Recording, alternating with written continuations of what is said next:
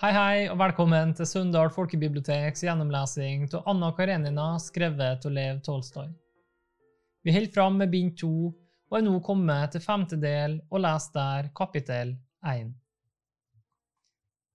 Fyrstinne Tsjetsjebatskaja mente at de fem ukene som var igjen før fasten, var altfor kort tid til å forberede et bryllup, for halvparten av medgiften ville ikke kunne bli ferdig men hun kunne heller ikke annet enn være enig med Levin i at efter fastetid ville det være for sent igjen. For en gammel tante av fyrst Tsjetsjerbatskij var meget syk og kunne dø når som helst, og da ville sorgen utsette bryllupet ytterligere. Og derfor bestemte fyrstinnen seg for å dele medgiften i to deler, den store og den lille medgift, og gikk med på å holde bryllupet før fasten. Hun besluttet at den minste delen av medgiften ville hun gjøre helt ferdig nå, så fikk hun sende den største delen efter, og hun ble riktig ergerlig på Levin fordi han ikke kunne gi henne et ordentlig svar og si om han var enig eller ikke. Denne ordningen var så meget beleiligere som de unge straks etter bryllupet skulle reise på landet, hvor sakene fra den store medgiften ikke ville trenges. Levin fortsatte stadig å befinne seg i den samme forrykte tilstand hvor han syntes at han og hans lykke var all skapningens viktigste og eneste mål, at han ikke behøvde å tenke på noe eller bry seg om noe som helst, og at alt nå og siden ville bli ordnet for ham av andre. Han hadde ikke engang noen plan eller noe mål for det livet som lå foran ham. Han overlot til andre å ordne med det, for han visste jo at alt ville bli så bra. Hans bror Sergej Ivanovitsj, Stepan Arkaditsj og fyrstinnen veiledet ham i det han måtte gjøre. Han var bare hjertens enig i alt de foreslo. Broren lånte penger for ham, fyrstinnen rådet dem til å reise bort fra Moskva etter bryllupet, Stepan Arkaditsj rådet dem til å ta en utenlandstur. Han var enig i alt sammen. Gjør hva dere vil om dere har moro av det. Jeg er lykkelig, og lykken min kan verken bli større eller mindre hva dere så enn gjør, tenkte han. Da han fortalte Kitty om Stepan Arkaditsjs råd om en utenlandsreise, ble han storlig forundret over at hun ikke var enig, men hadde sine bestemte krav med hensyn til deres fremtidige liv. Hun visste at Levin hadde et arbeide på landet som han elsket. Hun forsto ikke dette arbeidet, det så han nok, og hun ønsket heller ikke forstå det. Dette hindret henne imidlertid ikke i å anse arbeidet som høyst betydningsfullt, og derfor visste hun at de ville få sitt hjem på landet, og at de ikke ville reise utenlands til steder de ikke skulle bo, men bare dit hvor deres hjem ville være. Denne tydelig uttalte hensikt forundret Levin, men siden det var det samme for ham, spurte han straks Stepan Arkadic, som om det var hans plikt å gjøre det, om han ville reise ut på landet og ordne alt han visste om med den smak han var så rikelig utstyrt med. Men hør nå her, sa Stepan Arkadic en gang da han var kommet tilbake fra landet hvor han hadde gjort alt i stand til de unge skulle komme. Har du attest på at du har vært til skrifte? Nei, hvordan det? Uten det blir du ikke gift. Au, au, au, ropte Levin. Det er visst ni år siden jeg var til alters. Det har ikke vært i mine tanker engang. Du er meg en fiende en, sa Stepan Arkaditsj og lo. Og du kaller meg nihilist? Men dette går jo ikke an, du må til nattverd. Men når da? Det er fire dager igjen. Stepan Arkaditsj ordnet dette med og Levin begynte å faste til altergangen. Som ethvert annet menneske som ikke selv er troende, men som respekterer andres tro, syntes Levin det var svært pinlig å være til stede og delta i alle slags kirkelige seremonier. Nå da han var ømfintlig for alt mulig, og særlig lett bevegelig, var ikke denne nødvendige forstillelsen bare pinlig for Levin, men forekom ham også absolutt umulig. Nå, i sin herlighet, i livets blomst, skulle han måtte enten lyve eller drive gudsbespottelse. Han følte seg ute av stand til både det ene og det andre. Men hvor mye han enn forsøkte å utfritte Stepan Arkadic, om det ikke skulle være mulig å få attesten uten noe skriftemål eller altergang, erklærte Stepan Arkadic at det var umulig. Men hva er nå det å gjøre slikt oppstuss for? To dager, og han er slik en snill, klok, gammel mann. Han vil nok trekke denne tannen så du ikke merker det engang. Mens Levin sto i kirken under den første gudstjenesten, forsøkte han å gjenoppfriske minnet om den sterke religiøse følelsen han hadde gjennomlevet fra han var 16 til 17 år, men han ble snart overbevist om at det var umulig. Han forsøkte å se på det hele som en tom skikk uten noen som helst betydning, noe i likhet med skikken å avlegge visitter, men han følte at heller ikke det gikk an. Som størstedelen av sine samtidige sto Levin i et høyst uklart forhold til religion.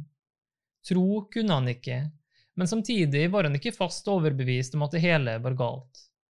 Og Derfor hadde han, som verken kunne tro at det var noen betydning i det han gjorde, eller se på det hele fullstendig lidenskapsløst som en formalitet, hele tiden under nattverdforberedelsen en følelse av forlegenhet og skam, både fordi han gjorde noe han ikke forsto, og fordi det var en stemme inne i ham som sa at det var hyklersk og stygt.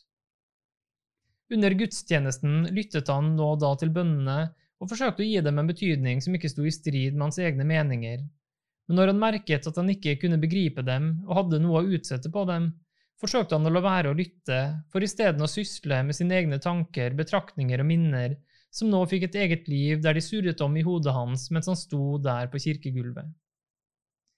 Han hadde vært til høymesse, nattmesse og aftenformaningspreken, og neste dag sto han opp tidligere enn vanlig, lot være å drikke te og gikk klokken åtte i kirken for å høre morgenformaningspreken og skrifte. I kirken var det ingen bortsett fra en fattig soldat, to gamle koner og de geistlige. En ung diakon med en lang rygg som tydelig fremtrådte som to halvdeler under den tynne kjolen, kom ham i møte og gikk bort til et lite bord ved veggen, hvor han straks ga seg til å lese formaningen. Under messingen, særlig når diakonen hastet forbi et av de mange Kyrie eleison, som nærmest lød som Kyrison Kyrison, følte Levin at forstanden hans var avlåst og forseglet, og at han verken måtte røre ved den eller sette den i bevegelse nå, for da ville alt bare bli rot, og derfor sto han bak diakonen og fortsatte å tenke på sine egne ting uten å lytte eller forsøke å begripe noe. Hånden hennes er da usedvanlig uttrykksfull, tenkte han, og husket hvorledes de dagene i forveien hadde sittet ved hjørnebordet. De hadde som vanlig denne siste tiden ikke hatt noe å snakke om, og hun hadde lagt hånden på bordet og åpnet og lukket den mens hun lo og fulgte bevegelsene dens. Han tenkte på hvordan han hadde kysset denne hånden og så studert linjene som løp sammen i den rosenrøde håndflaten. Kyrison igjen, tenkte Levin, korset og bøyet seg mens han så på det spenstige bukket i diakons rygg. Så tok hun hånden min og studerte linjene. Du har en flott hånd, sa hun.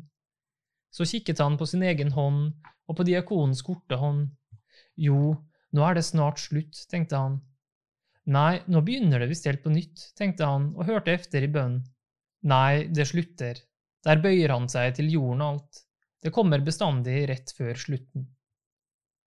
Hånden i fløyelsoppslaget fikk ubemerket en trerubelseddel, hvorpå diakonen sa at han skulle føre ham inn i kirkeboken, og med sine nye støvler kjekt skrittet til vei over det gjallende stengulvet i den tomme kirken for til slutt å bli borte bak ikonostasen.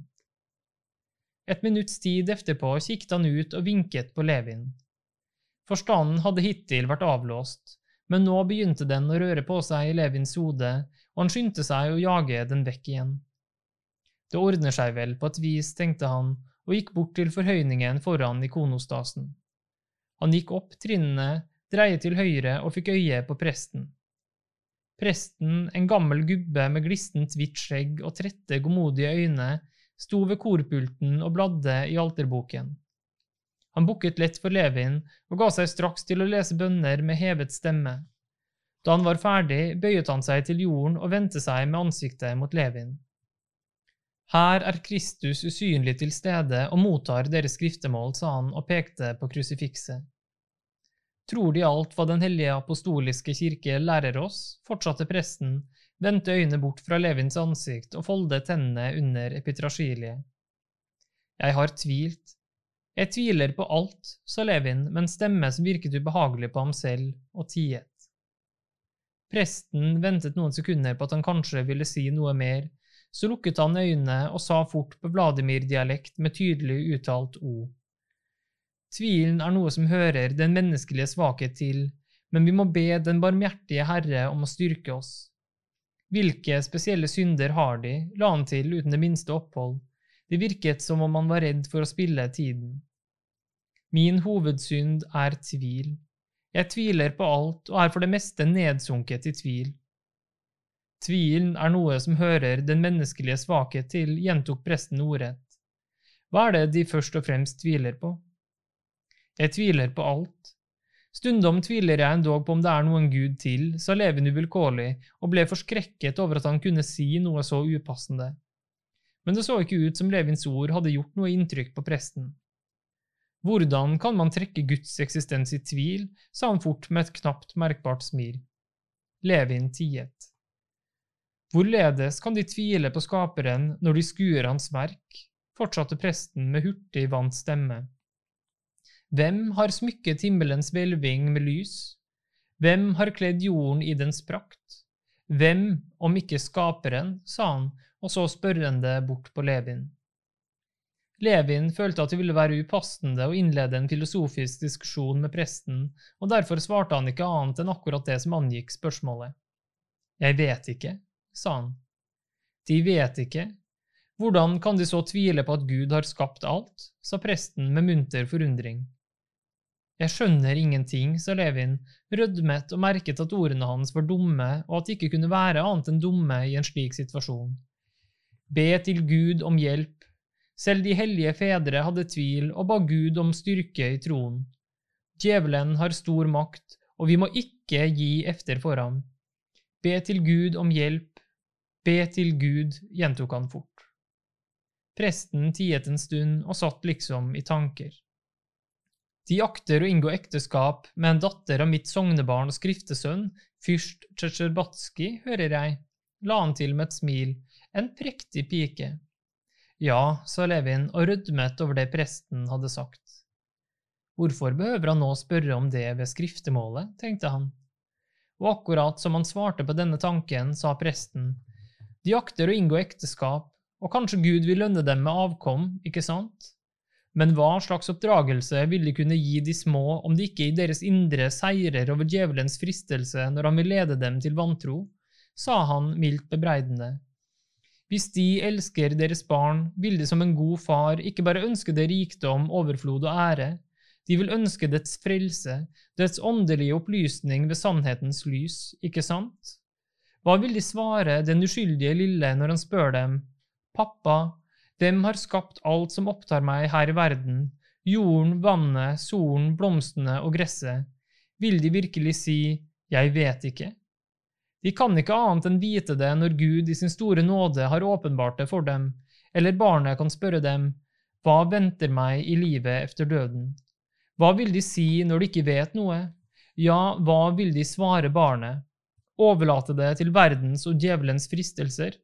Det går ikke an, sa han og stanset, la hodet på skakke og så på Levin med de gode, milde øynene sine. Levin svarte ingenting nå. Ikke fordi han ville unngå å komme i diskusjon med presten, men fordi ingen hadde stillet ham slike spørsmål før. Før barna hans begynte å stille ham disse spørsmålene, var det imidlertid ennå tid til å tenke ut hva han skulle svare. De går inn i et avsnitt av livet, fortsatte presten, hvor man må velge en vei og holde seg til den. Be til Gud at han i sin nåde må hjelpe og velsigne dem, sluttet han må så vår Herre og Gud Jesus Kristus i sin nåde og rike kjærlighet til menneskene tilgi deg, barn. Og da presten hadde bedt tilgivelsesbønnen ferdig, velsignet han ham og lot ham gå. Da Levin kom hjem denne dagen, kjente han en frydefull følelse over at den pinlige situasjonen hadde fått en ende, og det en ende som hadde latt ham slippe å lyve. Dessuten satt han igjen med en uklar erindring om at det denne søte, gode, gamle gubben hadde sagt, slett ikke var så tåpelig som han først hadde trodd, og at det var noe i det som måtte oppklares. Naturligvis ikke nå, tenkte Levin, men en gang senere. Levin følte nå sterkere enn før at det var noe uklart og urent i sjelen hans, og han befant seg i nettopp denne stillingen til religionen som han klart så og misbilliget hos andre, og som han bebreidet sin venn Sviarski. Samme aften var Levin og hans forlovede hos Dolly. Levin var i særlig godt lune og forklarte den opprømte sinnsstemningen sin for Stepan Arkadic med å si at han var glad som en hund man har prøvet å lære å hoppe gjennom et tønnebånd, og som nå endelig har oppfattet og greid det man ville ha den til å gjøre, og som derfor piper logrer med halen og henrykt farer opp på bordene og vinduskarmene. Kapittel 2 På dagen for bryllupet så ikke eleven sin brud ifølge gammel skikk. Det var fyrstinnen og Darja Aleksandrovna som strengt voktet over at all sedvane ble fulgt, men spiste middag hos seg selv på hotellet sammen med tre ungkarer som rent tilfeldig var kommet sammen hos ham. Sergej Ivanovitsj, Katavasov, en kamerat fra studietiden som nå var professor i realfag, Levin hadde møtt ham på gaten og trukket ham med seg, og endelig forloveren Sjirikov, fredsdommer i Moskva og en kamerat fra bjørnejakten. Middagen var riktig lystig. Sergej Ivanovitsj var i perlehumør og moret seg over Katavasovs originale meninger. Katavasov merket at hans originalitet ble verdsatt og forstått, og utfoldet seg riktig. Tsjirikov satt hele tiden blid og snill og bidro til enhver samtale. Se bare, sa Katavasov og dro på ordene. Det var en vane han hadde lagt seg til på kateteret. Hva for en flink kar vår venn Konstantin Dmitritsj var. Jeg snakker om de fraværende, for han er ikke mer. Vitenskapen elsket han da den gang han forlot universitetet, og så hadde han menneskelige interesser. Nå er derimot den ene halvdelen av hans evner innstillet på å føre ham bak lyset, og den andre på å rettferdiggjøre svindelen. En mer avgjort motstander av ekteskapet enn dem har jeg til gode å se, sa Sergej Ivanovitsj. Nei, jeg er ingen motstander her, jeg er en venn av arbeidsdeling. Folk som ikke kan lage noe, får lage folk, men de øvrige får hjelpe til med deres opplysning og lykke. Slik ser altså jeg det. Det er nok av dem som gjerne vil blande disse to håndverkene. Til dem hører ikke jeg. Så glad jeg skal bli når jeg får høre at de har forelsket dem, sa Levin. Vær så snill å be meg i bryllupet deres. Jeg er forelsket alt. I blekksprut, ja. Vet du, sa Levin henvendt til broren, Mikhail Semjonic skriver på et verk om ernæring, og ikke rot nå. Det kan være det samme hva det er om. Hovedsaken er nettopp at jeg elsker blekksprut. Men den vil ikke hindre dem i å elske deres kone. Det er ikke den som vil hindre noe, nei, men konen. Hvordan det? Det vil de nok få se. De er jo glad i gårdsdriften, i jakt. Vel, se selv. I dag var Archip hos meg. Han fortalte at det var en masse elg i Prudnoje, også to bjørner, sa Tsjirikov. Nei, dem får de nok has på uten meg. Sant nok, sa Sergej Ivanovitsj, for fremtiden får du nok si farvel til bjørnejakten. Kona vil ikke slippe deg av gårde. Levin smilte. Den tanken at hans kone ikke ville slippe ham av gårde, var så behagelig at han gladelig ville gi avkall på gleden ved å se bjørner for alltid. Men det er nå trist lell at disse to bjørnene skal bli tatt uten dem. Husker de forresten den siste gang i Sjalipovo? Det skulle bli en herlig jakt, sa Sjirikov. Levin ville ikke skuffe ham i troen på at det kunne finnes noe godt hvor hun ikke var, så han sa ikke noe.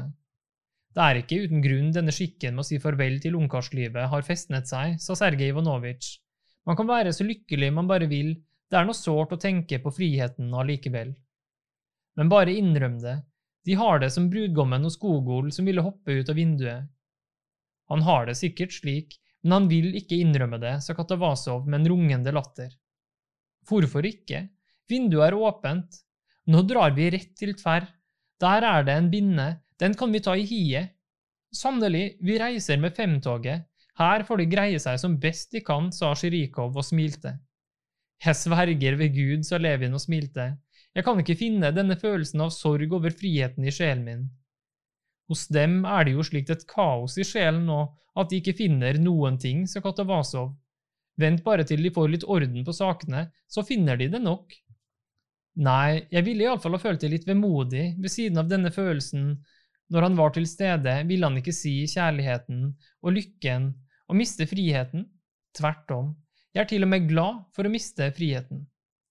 Et dårlig tegn, et håpløst tilfelle, sa Katavasov. Vel, La oss drikke på hans helbredelse, eller nøye oss med å ønske ham at i alle fall en hundredel av hans drømmer må gå i oppfyllelse. Bare det vil bli en lykke verden ikke har sett make til. Like etter middagen gikk gjestene. De måtte rekke å kle seg om til bryllupet. Da han var blitt alene og tenkte over hva disse ungkarene hadde samtalt om, spurte Levin seg enda en gang, følte han innerst inne noen sorg over friheten, slik de hadde sagt? Han måtte smile ved dette spørsmålet. Frihet? Hvorfor frihet? Lykken består bare i å elske og ønske, tenke med hennes ønsker og tanker, altså ingen frihet. Se, det er lykken. Men kjenner så jeg hennes tanker, ønsker og følelser, var det plutselig en stemme som hvisket til ham. Smilet forsvant fra ansiktet, og han ble tankefull. Og plutselig kom det over ham en selsom følelse. Over ham kom redsel og tvil. Tvil på alt. Hva om hun ikke elsker meg? Hva om hun tar meg bare for å bli gift? Hva om hun ikke selv vet hva hun gjør, spurte han seg selv. Hun kan våkne opp når hun først er gift, kan hun oppdage at hun ikke elsker meg og ikke kan gjøre det heller. Og underlige tanker om henne av aller styggeste slag begynte å vise seg for ham. Han var sinnssyk på Vronskij for hennes skyld, like som for et år siden. Det var som om den aftenen han hadde sett henne sammen med Vronskij, hadde vært i går. Han var ikke lenger så sikker på at hun hadde fortalt ham alt. Han for opp i en fart. Nei, dette går ikke, sa han fortvilet til seg selv. Jeg går til henne og spør, sier for siste gang, vi er fri, er det ikke bedre å stanse? Alt er bedre enn evig ulykke, skam og utroskap. Med et fortvilet hjerte, forbitret på alle mennesker, på seg selv, på henne, forlot han hotellet og reiste til henne. Han fant henne i et av de indre værelsene. Hun satt på en kiste og drøftet et eller annet med tjenestepiken mens hun ordnet opp i en haug kjoler av alle farver som var lagt over stolryggene på gulvet. Å, utbrøt hun da hun fikk øye på ham og strålte opp i glede over det hele. Hvordan er det med deg, nei, eh, med dem?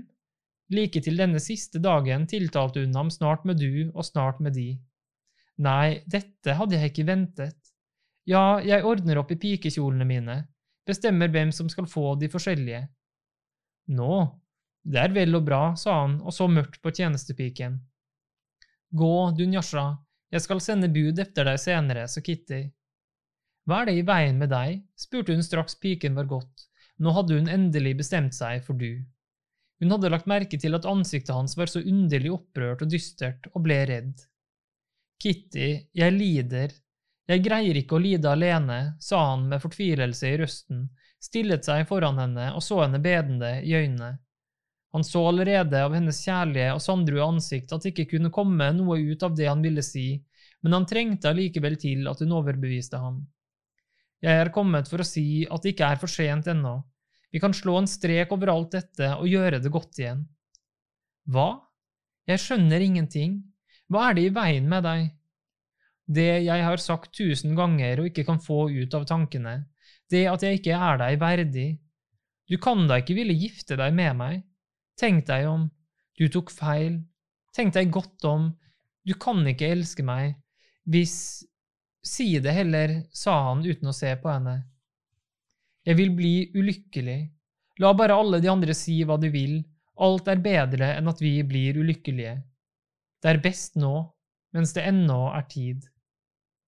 Jeg skjønner ikke, svarte hun redd. Betyr det at du vil trekke deg? At vi ikke skal?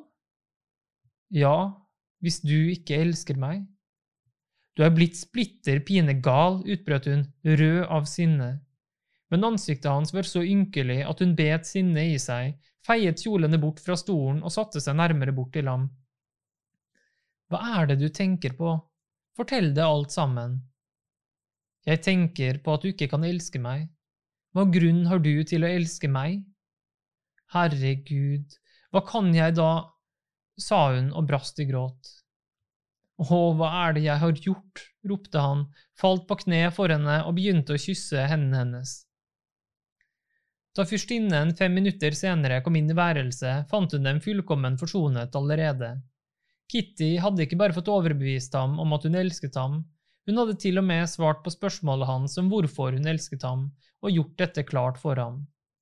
Hun hadde fortalt ham at hun elsket ham fordi hun forsto ham helt og fullt fordi hun visste hva han måtte være glad i, og fordi det han var glad i, var godt alt sammen. Og dette syntes han var helt klart. Da fyrstinnen kom inn til dem, satt de side om side på kisten mens de ordnet kjoler og diskuterte. Kitty ville gi Dunyasha den brune kjolen hun hadde hatt på seg den gang Levin hadde fridd, men han pukket på at den kjolen skulle hun ikke gi bort til noen. Dunyasha kunne få den blå isteden. Skjønner du ingenting, da? Hun er brunette, og den ville ikke kle henne. Jeg har tenkt på alt. Da fyrstinnen fikk vite hvorfor han var kommet, ble hun halvt i spøk, halvt i alvor sint, og sendte ham hjem for å skifte så han ikke skulle forstyrre Kitty når hun skulle stelle håret, for nå kom straks Charles. Det er ille nok som det er, hun har ikke spist noe disse dagene og har tapt seg svært, og så kommer du attpåtil og setter henne opp med disse dumhetene dine, sa hun til ham. Av sted med deg, av sted med deg nå, kjære venn. Slukøret og skamfull, men beroliget, kom Levin tilbake til hotellet sitt. Broren hans, Darja Aleksandrovna og Stepan Arkadic, alle i full puss, ventet allerede på ham for å velsigne ham med helgenbildet. Her var det ingen tid å spille. Darja Aleksandrovna måtte også hjemom for å hente sin pomadiserte og friserte sønn, som skulle bringe helgenbildet fra bruden. Så måtte en vogn sendes efter forloveren, og en annen som Sergej Ivanovitsj skulle kjøre i, måtte sendes tilbake. I det hele tatt var det nok av innfløkte ting å tenke på, men ett var sikkert. De måtte ikke somle, for klokken var alt halv syv. Velsignelsen med helgenbildet ble ikke hva den kunne blitt. Stepan Arkadic inntok en komisk høytidelig stilling ved siden av sin kone, tok ikonen, bød levende bøye seg til jorden, velsignet ham med et godmodig og ironisk smil og ga ham et trefoldig kyss.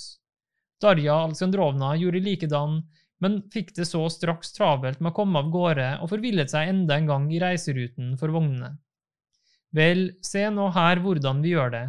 Du reiser efter ham i vår vogn, om Sergej Ivanovitsj vil være snill å kjøre innom og så sende vogn hit.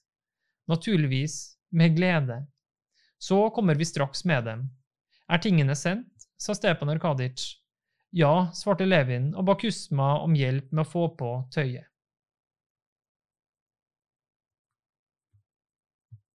Kapittel 3 En flokk mennesker, særlig kvinner, hadde leiret seg rundt kirken som nå var opplyst i anledning av bryllupet. De som ikke hadde rukket å trenge inn i det indre, stimlet sammen med vinduene, dyttet, trettet og kikket gjennom vindusgitrene. Over 20 kareter var alt ordnet langs gaten av gendarmene. En politioffiser trosset kulden og sto ved inngangen i sin strålende uniform. Nye vogner kjørte stadig frem, og snart gikk damer med blomster og oppheftet slep, snart menn som tok av seg kepien eller flosshatten, inn i kirken. Inne i kirken var allerede begge lysekronene og alle lysene foran kirkens egen skytshelgener tent. Gullglansen på ikonostasens røde bunn, ikonenes forgylte snittverk, sølvet i røkelseskarene og lysestakene, gulvflisene, teppene, kirkefanene høyt oppe over korgalleriet, trinnene foran ikonostasen, de gamle sortskimlede bøkene, prestekjolene og diakonkjortlene, alt flommet i lys. På høyre side av den oppvarmede kirken, i mengden av livkjoler og hvite sløyfer, uniformer, stoffer, fløyel, atlask, hår, blomster, blottede skuldre og armer og lange hansker, lød en dempet og livlig samtale som ga et underlig ekko oppe under den høye kuppelen. Hver gang døren åpnet seg og knirket, forstummet samtalen i mengden, og alle snudde seg for å se bruden og brudgommen som alle ventet på, trine inn. Men døren hadde åpnet seg mer enn ti ganger alt, og hver gang hadde det enten vært en forsinket gjest som sluttet seg til mengden av innbudene til høyre, eller en kvinnelig tilskuer som hadde lurt eller overtalt politioffiseren og nå sluttet seg til mengden av fremmede til venstre. Både slektningene og de fremmede hadde alt gjennomgått alle forventningens faser. Til å begynne med trodde de at brud og brudgom ville komme hvert minutt, og tilla ikke forsinkelsen noen betydning. Så begynte de stadig hyppigere å kikke mot døren og slå på at det skulle vel aldri være hendt noe. Så begynte forsinkelsen å føles pinlig, og både slektninger og gjester lot som de ikke tenkte på brudgommen, men var opptatt med sin egen samtale. Like som for å vise at hans tid var kostbar, hostet protodiakonen så vindusrutene klirret.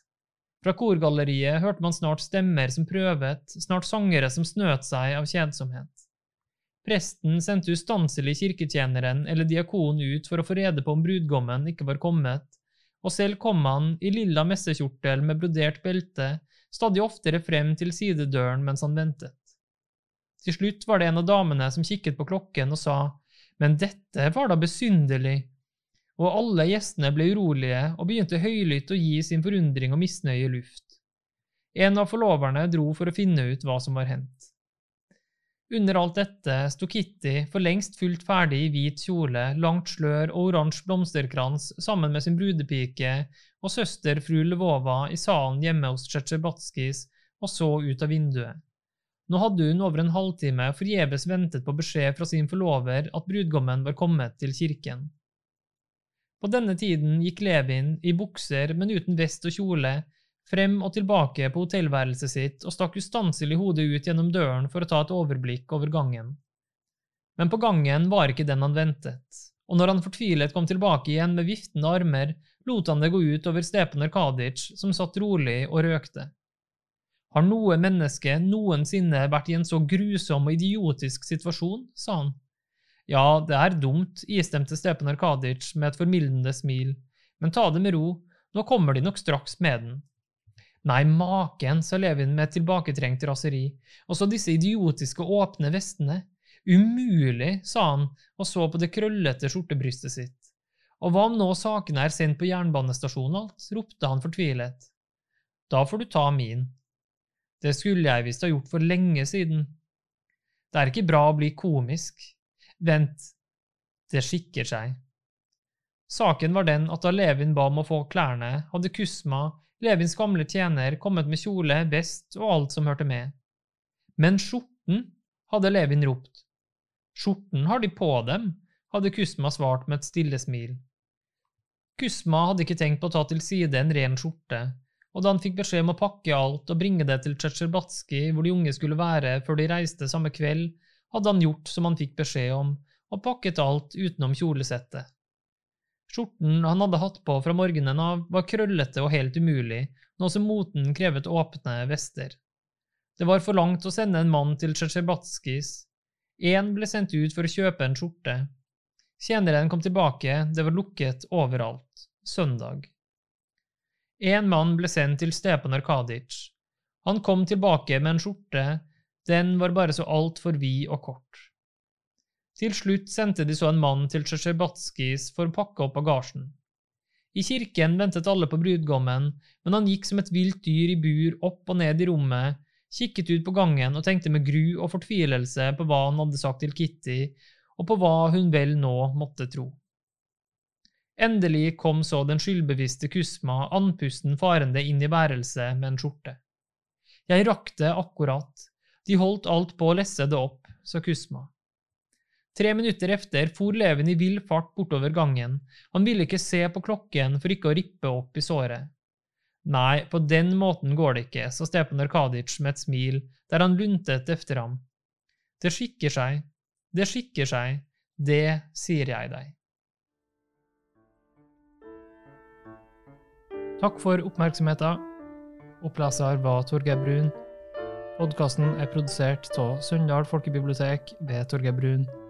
Det prosjektet her er støtta av Nasjonalbiblioteket, og takk til Gyllendal Norsk Forlag for bruk av deres oversettelse.